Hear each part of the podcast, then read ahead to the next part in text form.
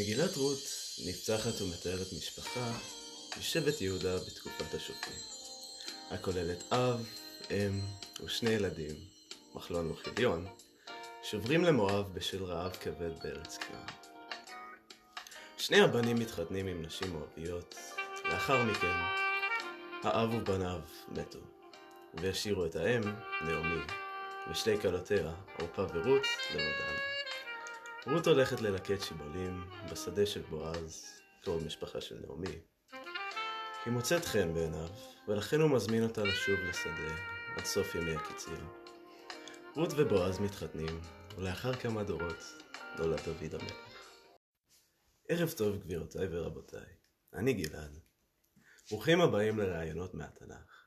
אני נמצא כאן הערב עם רות, בועז ונעמי, שלוש אגדות חיות, שבירכו אותנו עם נוכחותם, לרעיון שציפיתי לו בכיליון עיניים. בואו נקפוץ ישר לעניינים.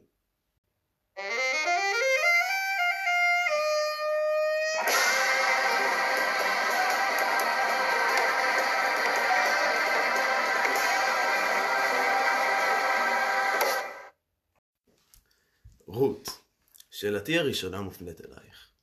היום בכל חג שבועות קוראים את הסיפור שלך בכל רחבי העולם. האם כשהחלטת לעזוב את משפחתך ובאת לגור עם חמותך נעמי בארץ כנען, חשבת שאנשים ידברו על הסיפור הזה כל כך הרבה שנים אחרי? בכנות גלעד, אני לא יודעת מה זה חג שבועות. כשהחלטתי ללכת עם נעמי חזרה לארץ כנען, לא חשבתי כל כך שזה יעניין מישהו. אבל משום מה, עם השנים, הסיפור שלנו נעשה ידוע יותר מכפי שציפינו. אבל אני שמחה מאוד שמדברים על זה כל כך הרבה שנים אחרי, שיש לאנשים דרך לברוח מהעולם שלהם לשלנו. בועז, אתה היית עשיר באותה תקופה. מדוע החלטת לעזור לרות כשהיא באה אל השדה שלך? אחרי הכל, היא מואביה. נכון, הייתי עשיר באותה תקופה, אך מה טעם בכסף אם אתה לא משתמש בו בשביל לעזור לאנשים? לא החלטתי לעזור לה מפני שהייתה מואביה, אלא בגלל שהייתה בצרה, ואני יכולתי לעזור לה. אז אתה אומר שזו הסיבה היחידה? לא הייתה איזו מטרה נסתרת לכך שעזרת לה? למען האמת גלעד, אני לא יכול להגיד שלא הייתה לי מטרה נסתרת. שאלתי הבאה מופנית אל נעמי. איך הרגשת כשרות החליטה לנטוש את כל משפחתה בשביל לעבור לגור איתך בארץ כנען? בלי המשפחה, בלי חברים ובלי רכוש. לא ציפיתי שאף אחד יעשה כזה מעשה בשבילי, בטח לא בגילי. מלבד זה שהיא באה איתי לארץ כנען, היא הצילה את חיי. אם לא הייתה הולכת ללקט אצל בועז, לא היה לנו מה לאכול. מעניין מאוד. עכשיו, איך הרגשת בתחילת המגילה, ואיזה שינוי עברת מתחילתה ועד סופה? בפתיחת המגילה חזרתי לבית לחם בידיים ריקות. בעלי ובניי מתו ונשארתי לבד. כשחזרתי למואב, אנשי העיר בקושי זיהו אותי. הייתה לי משפחה גדולה והיינו עשירים, אך ברגע אחד חרב עליי כל עולמי ונותרתי ענייה. בסיומה של המגילה התהפך מצבי לטובה.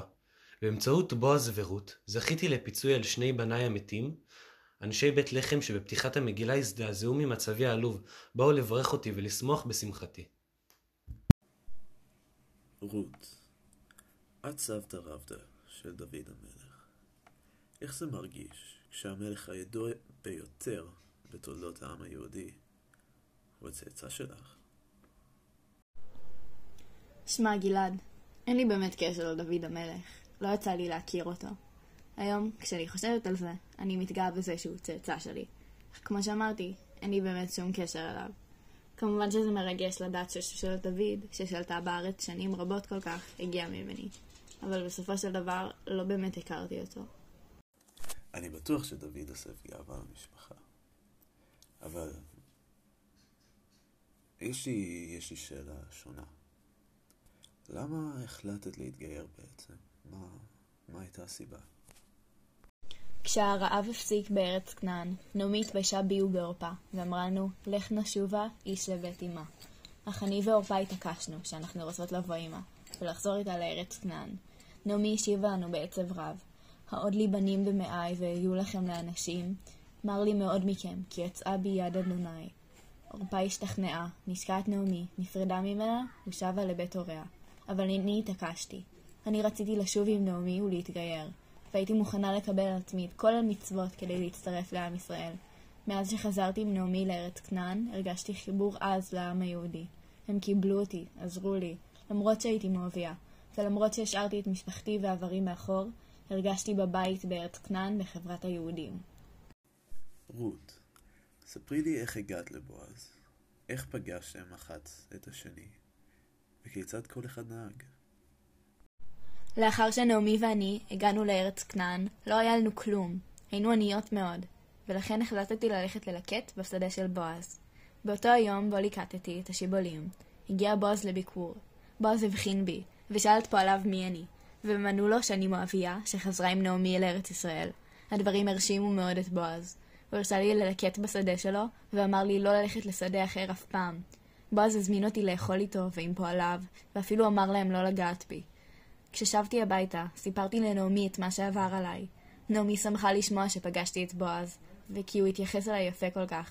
את הימים הבאים העברתי בשדה של בועז, עד שקציר החטים והשעורים הסתיים. עכשיו בועז, בוא נחזור אליך לרגע. מה חשבת על רות כשפגשת אותה בפעם הראשונה? מה, מה גרם לך לעזור לה כל כך? כבר מההתחלה היא תפסה את עיניי. הייתי אותה שם, מלקטת בשדה, וכבר ידעתי שאני רוצה לעזור לה. שאלתי את העובדים עליה, לברר מי היא. כשגיליתי שהיא קרובת משפחה שלי, התעקשתי שתישאר בשדה שלי. וביקשתי מהנערים הקוצרים שיניחו לה. כשדיברתי איתה היא הייתה צנועה מאוד ואסירת תודה. היא נהדרת באמת, והיא תמיד הייתה כך מההתחלה. גלעד, מה אתה אומר שנחוג עכשיו קצת מהכללים ונעשה פה הפוך? אני אשאל אותך שאלה ואתה תענה. בעצם השאלה שלי היא כזאתי, מה אתה חושב על מגילת רות וכיצד היא השפיעה על אורך החיים שלך? אני בתור אדם שמתעניין בתנ"ך, מאוד מאוד אוהב את מגילת רות. בניגוד לשאר סיפורי התנ"ך, שתי הדמויות הראשיות בסיפור הן נשים. ולכן, הסיפור הזה כל כך שונה ומיוחד משאר סיפורי התנ"ך, בהם הדמויות הראשיות הם גברים. זהו סיפור שהשפיע עליי הרבה, ואני חושב שכל אדם בארץ ישראל, ובעולם כולו, צריך להכיר אותו וללמוד אותו. אם כבר התחלפנו בתפקידים ואנחנו שואלים אותך שאלות, אז הייתי רוצה לשאול אותך שאלה. ובכן, אנחנו רגילים במקרא לפגוש הרבה את עולם החוק במובן של הקהילה. לדאוג לחלשים, לדאוג לאלמנה וכן הלאה. האם החוקים האלה חדרו גם לתוך חייך, או שהם נשארו במקרא רק ברמה התאורטית? כמובן שהחוקים האלה חדרו לתוך חיי. קודם כל, כל סיפורי אבות, אפילו אלו שלפני מתן תורה, מתארים חיים ברוח החוקים האלו שציינת. במגילת רות, הדבר הזה מתבטא בצורה הטהורה ביותר. הצורה היפה ביותר, אפשר לומר, והמשמחת ביותר. ובאמת, לדעתי, נותן איזון לכל אותם סיפורים במקרא, שמתארים מצבים יותר טרגיים, אפשר לומר, יותר מורכבים. במגילת רות יש בה איזו שלמות מבחינה סיפורית, שמתארת איך קהילה מקפידה על דאגה לאנשים שונים במצב של אלמנות ובמצב של, של גיור. בעצם הרבה מהחוקים מתגבשים ומשתקפים בתוך המגילה הזו. ואולי לכן באמת חז"ל החליטו לקרוא אותה בחג השבועות, שזה חג מתן תורה. לסיכום, נפגשנו היום עם רות, בועז ונעמי במגילת רות. דיברנו איתם על סיפוריהם ועל רגשותיהם, והיה נחמד מאוד לשמוע על סיפור כל כך מוכר ואהוב ממקור ראשון. הצטרפו אלינו שבוע הבא כשנארח את משה ולוחות הברית. תודה לאלון שור, אופק ג'רמי, נטע שנאבל ותום אבידור על התסריט וההפקה. אני הייתי גלעד. עד כאן רעיונות מהתנ"ך. ועכשיו, כמו בכל פרק, נסיים עם שיר. והפעם עם השיר רות המואביה של ירדנה ארזי.